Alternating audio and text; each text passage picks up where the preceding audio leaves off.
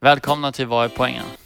Eh, du har ju då valt att klicka på ett ämne då självmord. Vad är poängen med självmord? Mm. Så det är ju lite det är trassligt för alla människor, många människor har ju olika relation till självmord. Vissa har ingen erfarenhet och vissa har erfarenhet. Men alla har ändå erfarenhet till att man faktiskt har ett val att avsluta sitt liv. Och också man kanske står oförstående inför någon annans val att ta sitt eget liv. Eh, om man aldrig själv har tänkt tanken. Eller så har man kanske tänkt tanken. Eh, och då kommer vi få prata med Niklas Ekdahl idag som för tre år sedan försökte ta sitt eget liv. Mm. Men överlevde. Och i boken Hur jag dog så har han beskrivit vad som hände med honom, varför, varför det blev som det blev och hur han fick behandling efteråt. Och han skriver också en hel del om självmord i allmänhet, hur, hur, hur man kan tänka kring det och vad man kan göra åt det. Eh, Niklas Ekdahl är då en framgångsrik journalist som eh, under en fotbollsmatch skallade ihop med en annan kille och fick en rejäl hjärnskakning. Som sen resulterade i att han låg hemma med Ja. hörselkåpor och, och Ja, som, som, ögonbindel. som ledde till väldigt allvarliga komplikationer och stor förvirring kring bland läkare och så vad det egentligen var som gjorde att han utvecklade en väldigt svår depression till sist över tid. Då då. Så det var så det började för honom. Innan dess var han en, eh, full gång så att säga. Precis, och, och, och vi ska ju träffa Niklas och prata om den tiden då, efter, under tiden när han hade fått den här hjärnskakningen och det är där vi är intresserade av att veta vad som hände som gjorde att han kanske någonstans, så vi kan förstå lite grann vad som Mm. gjorde att han ville ta sitt liv. Mm. Eller Ja. trodde att han ville ta sitt liv Ja. kanske det Ja. handlar om. Men också de här väldigt jobbiga frågorna förstås. Eh, ja, men hur, ser man på, hur, hur skulle man se på det idag? Och vad, vad säger man till andra? Och det, det finns ett, liksom något efter också när man har överlevt som är rätt tufft att ta i. Men det ska vi göra, försöka prata om idag. Niklas Ekdahl är journalist, författare och tidigare politisk redaktör på Dagens Nyheter och Expressen. Han har varit FN-officer i Libanon två gånger under 80-talet och i Saudiarabien under Kuwaitkriget 91. Han bor nu med sambo och tre barn på Södermalm i Stockholm och tidningen L placerade 2005 Niklas Ekdahl på plats nummer 10 över Sveriges sexigaste män, före Zlatan. Han cyklar utan hjälm och kom nyligen ut med den självbiografiska boken När jag dog på Brombergs förlag. Hej och välkommen! Tack så mycket, kul att vara här.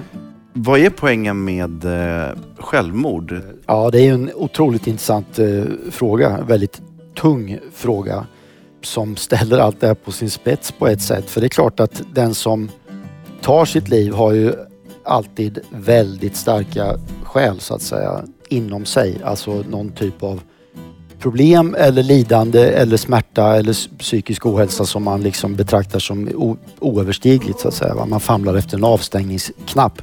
Och utifrån så är det ju, vill jag påstå, nästan omöjligt att förstå det här.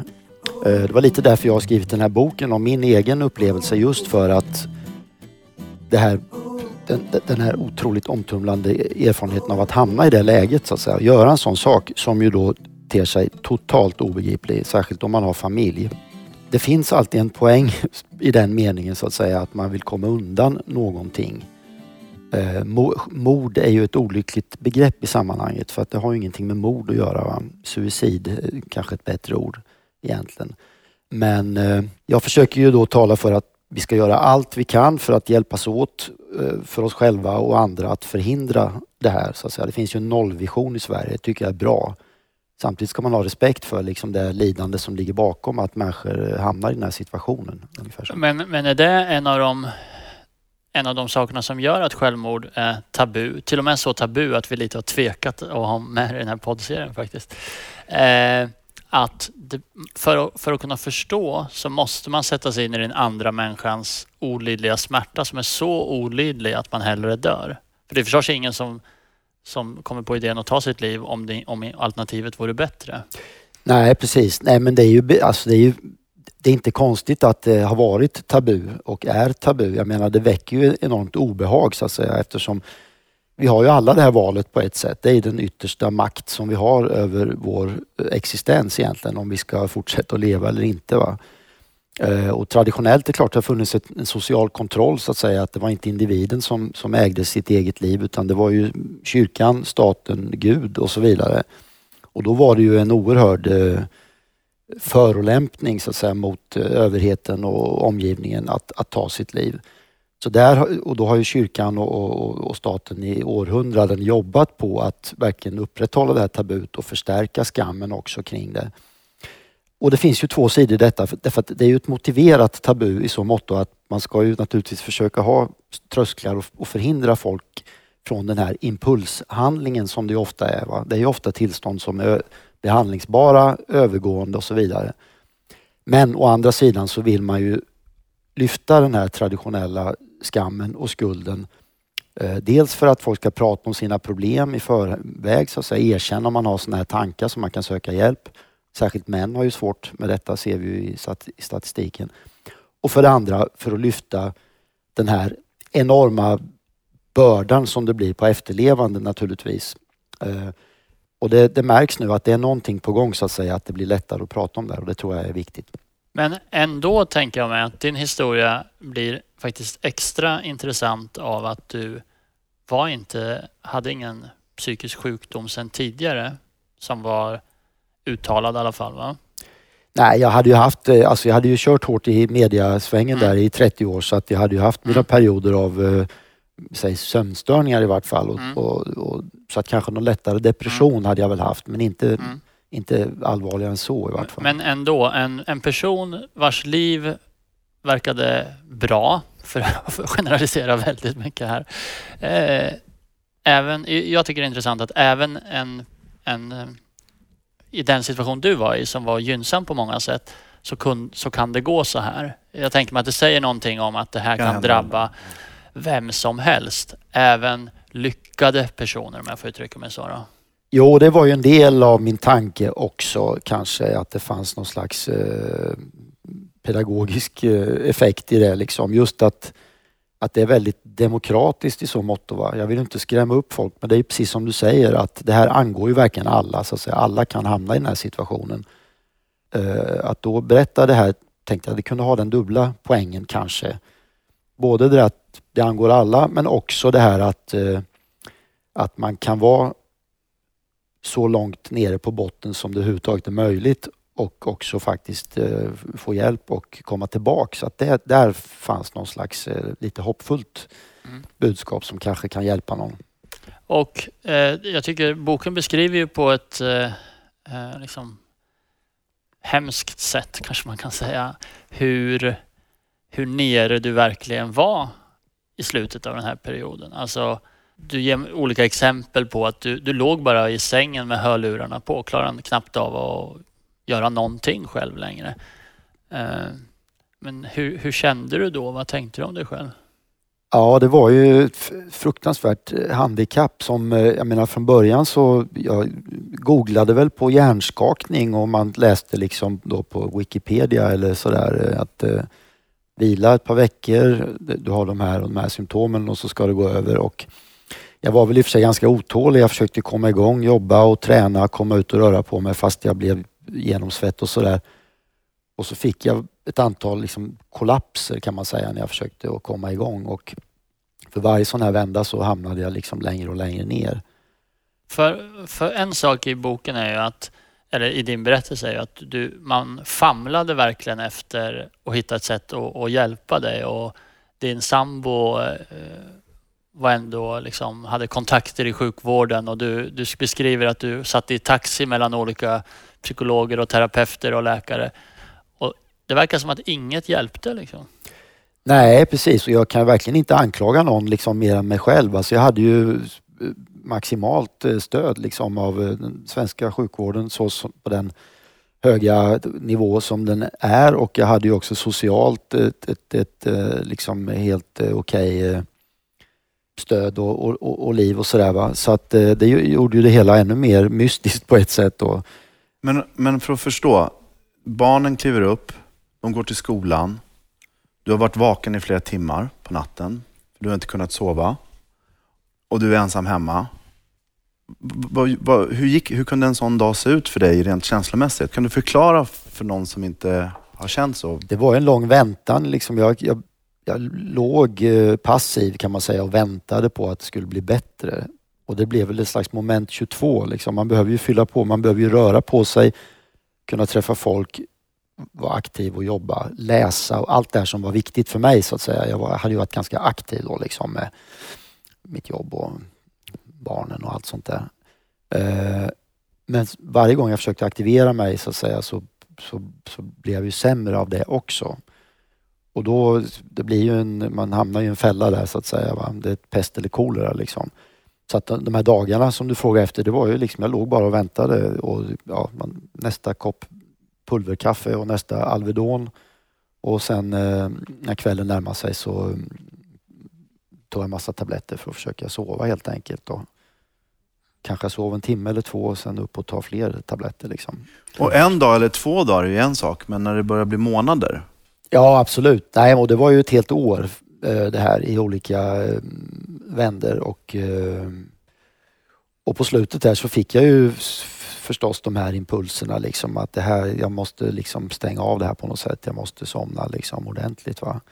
Men det, i den desperata läge jag var så, så fanns inget annat så att säga. När, när du eh, var som mest deprimerad, eh, då eh, tappade du även intresset för dina barn och sambo till sist? Eller? Ja, alltså jag låg jag var ju passiv där. Jag var ju inte så att säga, jag var, jag var ju inte otrevlig eller så. Va? Nej. På det sättet. Men det är klart att jag orkade ju inte några aktiviteter. Jag orkade ju knappt äta middag med familjen till exempel. Jag fick ta ett par lugnande tabletter för att klara den interaktionen som det var att äta middag i tio minuter med fyra personer. Mm. Just för att de här intrycken av Mm. eh, människor som pratar Mm. överhuvudtaget. Så, Mm. men det var ju ett, generell, Mm. ett generellt eh, handikapp så att säga. Så det är klart att jag var väldigt eh, sjuk så att Mm. säga. Och, och det är klart redan det var ju ett, eh, traumatiskt förstås för en, en familj liksom, Ja. att man är så sjuk. För, för jag gissar då att det också gör, för de anhöriga blir det här en, en, en extra svårighet att, eh, att det blir, för den som är så deprimerad som du var, tänker jag att det ofta kan vara svårt att kommunicera på ett begripligt sätt för andra människor. Man, man blir liksom, man går inte riktigt att nå längre och samtidigt då som anhörig kan vara väldigt oroliga för att man är så sjuk. Att det blir en svår nöt som den här sjukdomen för med sig. Liksom. Absolut, för, jag menar för bägge parter och, och, och det är ju smärtsamt det här att inte kunna att ha livet så nära så att säga men inte kunna delta är ju en, en det, det, det ökar ju på liksom den här, de här självförebråelsen och det här som kommer med depression liksom som typ, typiska inslag om man säger. Va? Jag tyckte jag fick en förståelse för hur människor hamnar i ett så desperat läge. Och Det tror jag också är viktigt att förmedla då till alla efterlevande och så eftersom det ofta uppfattas som hänsynslöst, egoistiskt. Det lämnar de här frågorna efter sig. Hur kunde man göra en sån sak, om man, framförallt om man har barn? Va? Och Jag tycker det är att jämföra med att säga eh, hur kunde du få cancer när du har barn? Alltså jag tycker det är samma typ av fråga. Att man bör se det på det sättet. Sen förstår jag att man blir arg så att säga, det, om, man, om, om man är anhörig eller så. Det är ju självklart. eh, Men, men man, man måste också förstå den desperation som är bakgrunden. Men det är klart, varje, varje fall är ju individuellt också. Men eh, psykiska problem och depressioner är väl en stor, stor andel i vart fall. Va? Och jag menar, de är ju nästan alltid behandlingsbara. Eh, Det är ett viktigt budskap att det finns så att säga, hjälp Mm. att få. Och sen finns det en kategori med tillfälliga kriser, alltså separationer, ekonomiska problem, kanske drogproblem. Och de är ju också eh, kanske ännu mer övergående på ett sätt, att det är saker Mm. som man kan så att säga, få ordning på längre fram i livet. Så att I nästan alla de här fallen så, så är det ju en, eh, ett slöseri och en impulshandling som det finns anledning att hjälpas åt, försöka hjälpas åt att stoppa. Den här dagen eh, när du försökte ta ditt liv, vad, vad minns du om den? Ja, det är ju väldigt overkligt förstås alltihopa för det är svårt att försätta sig i det tillståndet som jag var. Va? Men eh, som sagt, jag, det var väl någon slags önskan att somna in, liksom, att få sova i Mm. princip. En, en avstängningsknapp. Så att jag, jag åkte ner i källaren och tog eh, då en, en väldig överdos av alla tabletter som jag hade Mm. i princip eh, tillgång till. Och efter ett år i psykiatrin så, med sömnstörningar så hade jag mycket tabletter kan jag säga. Mm. Och eh, sen blev jag liggande där i många timmar, alltså medvetslös. Och det var en tillfällighet att det var två duktiga poliser som tog ett extra varv och hittade mig. Va? Och då hade jag eh, här 32 graders kroppstemperatur någonting och andades inte och sådär. Så att det var riktigt illa och och hamnade på intensiven då på eh, Södersjukhuset. Där jag blev lagd i någon slags kyldräkt eller något sånt där och respirator och, och så. Och de informerade då anhöriga om att det var att det såg illa ut helt enkelt. Så jag låg där i koma i fyra dagar tror jag, något innan jag vaknade upp. Eh. Och då var man orolig för att för det första att du skulle dö förstås men också att du skulle ha bestående hjärnskador som hade inte förvånat så att säga med den att du hade att du var så illa däran däremellan. Ja, det framgår ju av journalanteckningarna som jag sen begärde, fick ut när jag skulle skriva boken. Det var ju oerhört detaljerade och eh, bekymrade journalanteckningar om, om läget så att Mm. säga. Men sen blir det ju då en, ja, en rad förvånade kommentarer om att när jag vaknar Mm. till och ändå liksom eh, jag tror att det står har klarat det grovneurologiskt bra eller något sånt där står Mm. det dagen efter att jag vaknar upp för då förklarar de för mig vad som har hänt och då började, jag, jag förstår väl det något sånär när de Mm. sjukvårdspersonalen förklarar det men då är jag ju i väldigt dåligt skick. Alltså jag har ju så här lunginflammation efter den här respiratorn. Jag har gått ner kanske 15 kilo, slangar överallt, urinkateter och, eh, och den här koman då på toppen av ett år i det tillstånd jag var innan plus liksom den här insikten om då i- någon mån vad jag har gjort också. Va? Eh, Så att det är svårt att, svårt att hamna i ett sämre läge tror jag. Mm.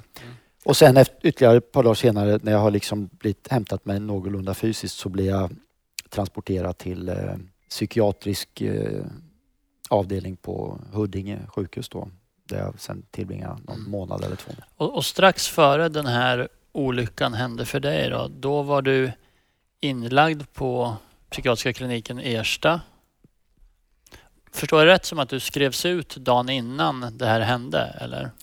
Ja, så var det. Men jag vill inte, jag vill inte eh, klaga på deras eh, Nej. insatser heller men det, det, det, sammanföll i tiden för att Mm. då var jag så pass eh, desperat så vi hade väl prövat allting liksom. Jag hade varit hos alla möjliga terapeuter och läkare och, och psykiatriker och fått eh, medicinering och, och sådär och jag blev inlagd en vecka kanske Mm. eh, där på den psykiatriska kliniken. De försökte på alla sätt och vis, samtal, eh, medicin, eh, få ändra min dygnsrytm, det här Mm, med sovandet. Ja, adekvat. Men, eh, men det jag undrar över och som jag, de som jobbar på, på andra sidan, alltså andra sidan i meningen vårdpersonal, de ställs ju ofta inför, inför uppgiften då att försöka förstå vad människor ska göra i framtiden. Det vill säga om man i det här fallet tänker ta livet av sig i framtiden eller inte. ja. När du gick därifrån Ersta-kliniken, visste du redan vad som skulle hända dagen efter då? Nej, det var bara, alltså det var nog lite grann på mitt eget initiativ som jag åkte hem så att säga. Mm. För att, det, för att jag, blev, jag märkte att det, jag blev inte bättre i den miljön heller. Va? Nej. De kunde inte hjälpa mig helt enkelt. Jag var Okej. liksom bortom eh, hjälp i, det, i den situationen.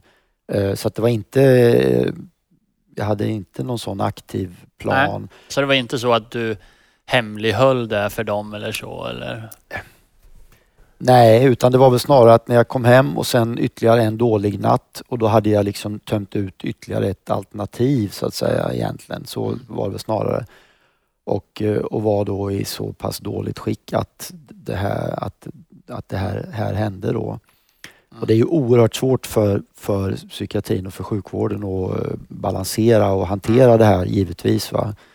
Eh, därför att eh, det är inte liksom hård för tvångsvård heller som är lösningen så att säga. Att låsa in alla som kan, där det finns minsta risk liksom. Utan det är ju tillgänglighet och en liksom mänsklig eh, psykiatri tycker jag som är lösningen. Och då är klart, då kommer ju sådana här saker att hända. Det, det, Mm. det, det, det får man Vad, har- För- vad har ni för verktyg? Nej, men vad för finns det jag- för verktyg? För det är oftast psykiatrin som får ta smällen när någonting händer bland nära. Jag ser, man läser artiklar i tidningar om syskon och Mm. Anhöriga som, som, som belastar psykiatrin. Men samtidigt så när man lyssnar på dig, vad har, ni, vad har man, vad har man att gå på? Nej, men så, så det är klart att, det är klart att anhöriga och, och eh, personen själv tar den största smällen. Men det skiljer sig ändå mot andra vårdgrenar. Det, det är inte så mycket som om någon dör i cancer att man frågar sig om cancerläkaren har gjort något fel så att säga. Men, men i vården så har man vi, vi har föreställningen om att psykiatrin och sjukvården ska kunna förutsäga och förhindra självmord och det är vi urdåliga på. Det finns, det finns inga jättebra sätt att förutsäga det. Det finns vissa riskfaktorer. De flesta av dem bygger också på att personen rapporterar det. Det vill säga om, om man säger så här, jag tänker inte ta livet av mig, så, så tror vi i allmänhet på det. Och jag tänker mig att när du gick från Ersta så hade man säkert ett samtal där det står i anteckningen vad du har svarat på de frågorna. Ja. Och det, det här är dubbelt. Det är självklart att vi ska göra så, inte göra fel, inte slarva och så vidare. Men, men jag tror det är något som skrämmer bort mycket personal från psykiatrin. Det här att man, att man är rädd att vara sist och träffa en person som tar livet av sig och har missat det. Samtidigt som man inte har några jätteeffektiva sätt att vara säker på vem som kommer göra det i framtiden eller inte. Precis, ja, det tror jag absolut. Och det, är ju, det, det bara ökar ju ens beundran för, för er som jobbar med det. Alltså just hur svårt det är va? Och, och hur viktigt det är. Och, och, och, och att man måste skapa en förståelse för, för det där. Men sen har jag förstått, tror jag, att generellt i sjukvården att det är ju också en fråga som väcker ett visst obehag så att säga, även hos sjukvårdspersonal och inte bara inom psykiatrin. Att, att ställa den här frågan, liksom, har du funderat på att- ta ditt liv? Jag tror att att det finns också undersökningar som visar det, att man även inom vården så att säga drar sig lite för att, att ta upp den frågan. Va? Eh, Trafiksäkerhetsforskningen får 150 miljoner i statligt bidrag och myndigheten som förebygger självmord eller suicid får ungefär runt 3 miljoner. Varför är det så? Ja, det är ju intressant att jämföra med den här nollvisionen i trafiken som infördes 1997 tror jag. Eh, och, och den var ju lite kontroversiell då. Va? Jag tror även jag själv som ledarskribent raljerade lite kring det där. Uh, utopiskt liksom. Och, uh, är det verkligen rätt sätt att använda resurserna och sådär. Men jag måste säga, jag har ändrat mig på den punkten där man så småningom då med ganska okontroversiella medel kan, kan rädda hundratals liv om året. Eh, Och sen 2008 då så infördes ju en, eh, av riksdagen, de formulerar en nollvision om, om självmord också. Den har ju inte följts upp särskilt mycket politiskt, alltså man har ju inte satsat så hårt på det. Men självmordstalen har ju kontinuerligt ändå gått ner, så alltså den långa trenden är ju sjunkande. Om man går 20, 30, 40 år tillbaka i tiden så var det ju eh, tror jag 2-3 tusen om året i Sverige och nu är det 1500. Och det är fortfarande fem gånger så många som de som dör i trafiken då, va? idag.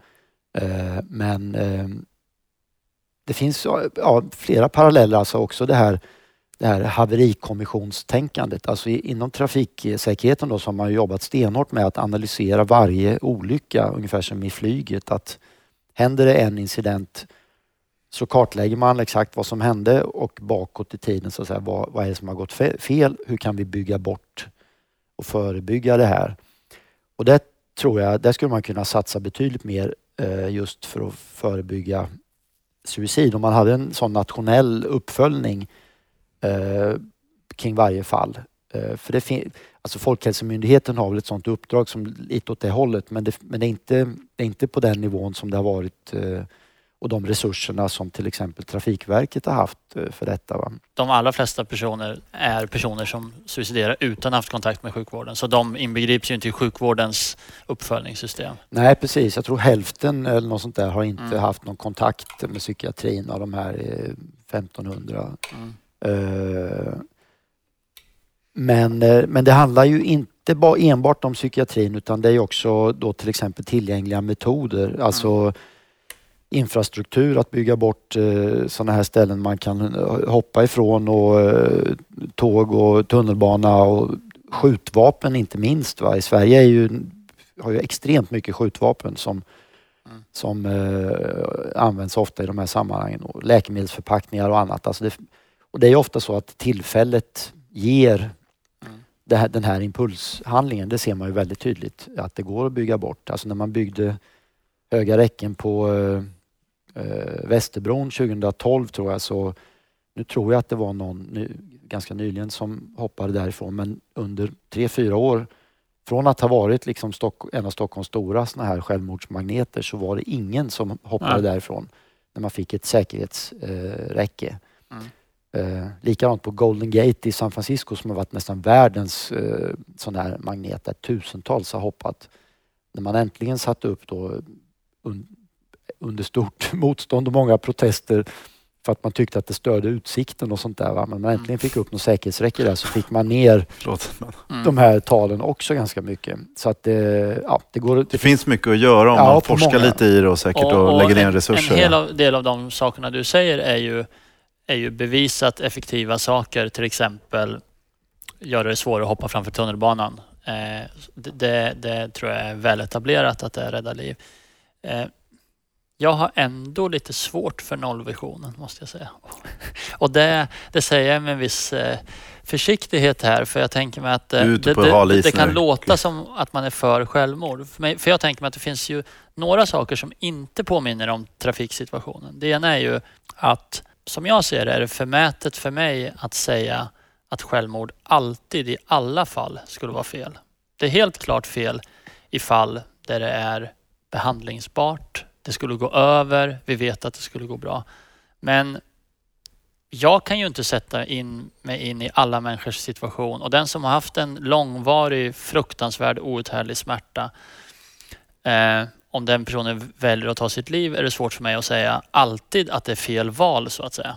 Så på så sätt tänker man att en nollvision strider lite mot idén att faktiskt självmord i vissa situationer kan vara ett, ett, en rimlig sak, även om den är smärtsam för anhöriga.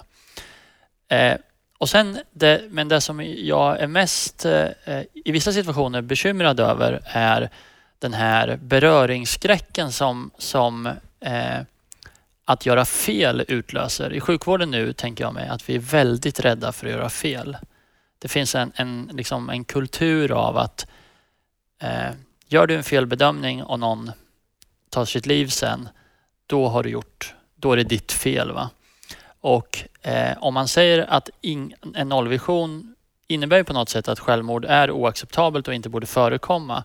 Och det jag är rädd för att det leder till en massa negativa sjukvårdsåtgärder. Alltså, jag är, jag är jour på Huddinge. Det kommer in en person. Jag tänker, äh, bäst att lägga in den här personen. För klockan åtta går jag härifrån. Lever han då så är det inte mitt fel. Eh, fast det kanske inte är bra för den personen att ligga på sjukhus. Eh, På sätt och vis omfamnar jag en nollvision. Men man måste ha också en acceptans för att självmord kommer förekomma och att det är en konsekvens av psykiskt lidande som, Ja. som, som är på något sätt det det är svårt att säga att det någonsin kommer försvinna helt. Däremot är det förstås bra att sätta upp räcken och sånt. Ja. Nej, men jag förstår precis vad du menar eh, och instämmer väl delvis.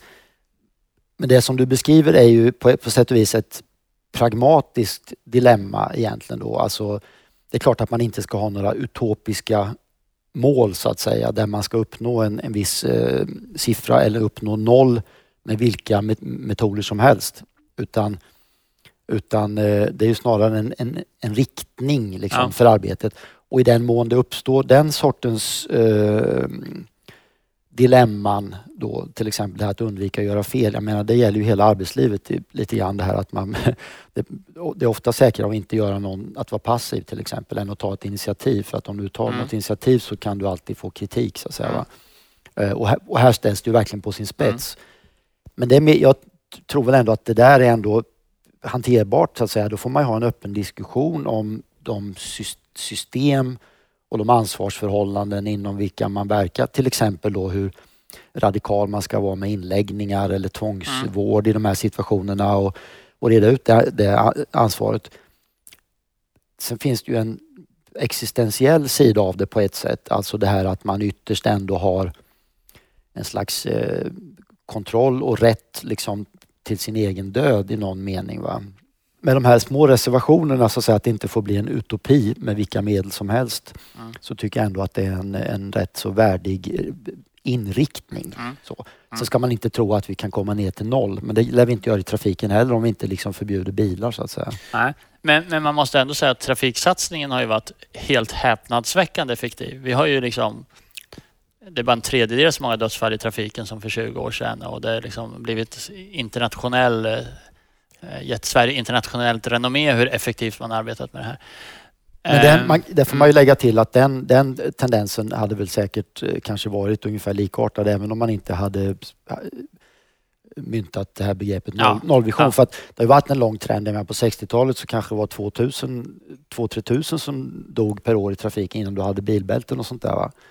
Eh, Så att det är ju i viss mån en slags eh, politiska buzzwords eller något. Mm. Man, man, man, man har en vision.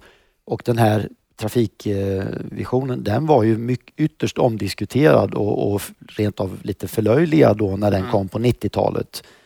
Eh, Men just för att trenden har fortsatt så positivt så är det ju anses det väl rätt okontroversiellt Mm. idag. Mm.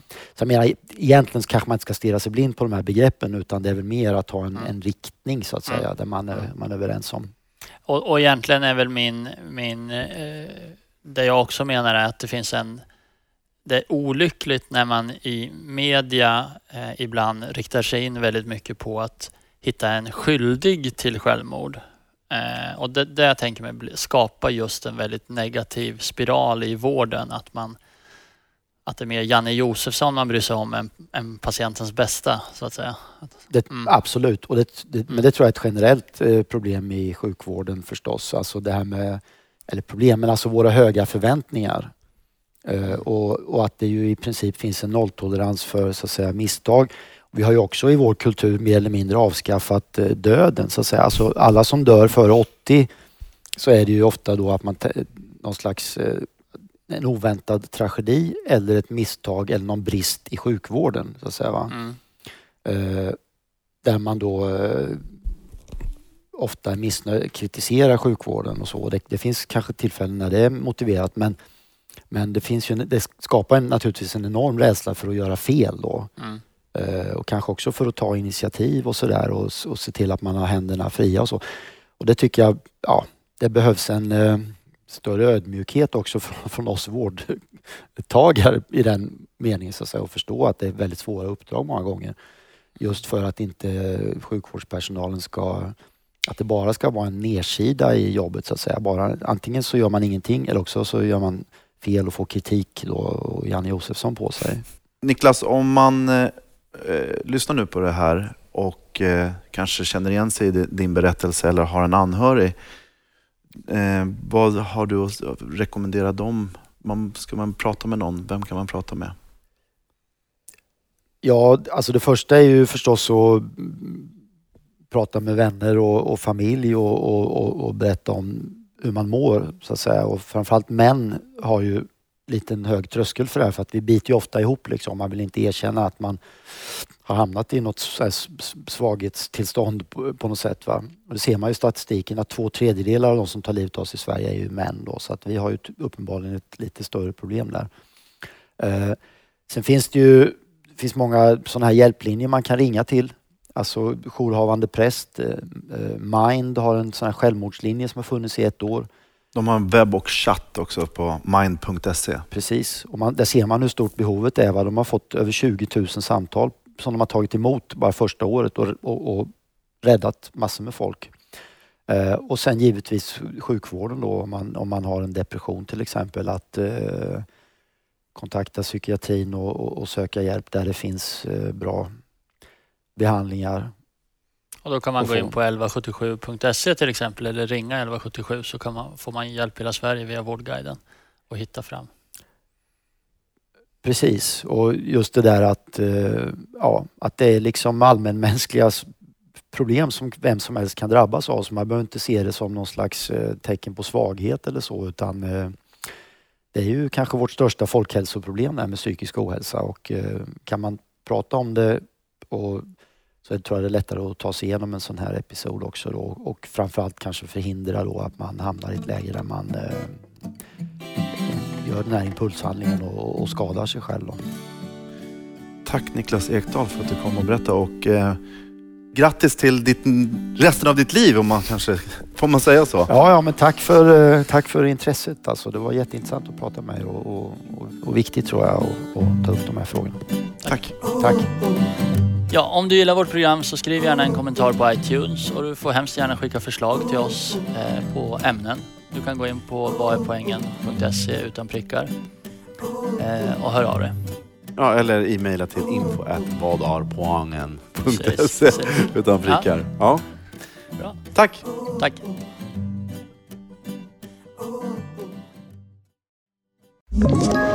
Ett poddtips från Podplay. I fallen jag aldrig glömmer djupdyker Hasse Aro i arbetet bakom några av Sveriges mest uppseendeväckande brottsutredningar. Går vi in med hemlig telefonavlyssning och, och då upplever vi att vi får en total förändring av hans beteende. Vad är det som händer nu? Vem är det som läcker? Och så säger han att jag är kriminell, jag har varit kriminell i hela mitt liv men att mörda ett barn, där går min gräns. Nya säsongen av Fallen jag aldrig glömmer på Podplay.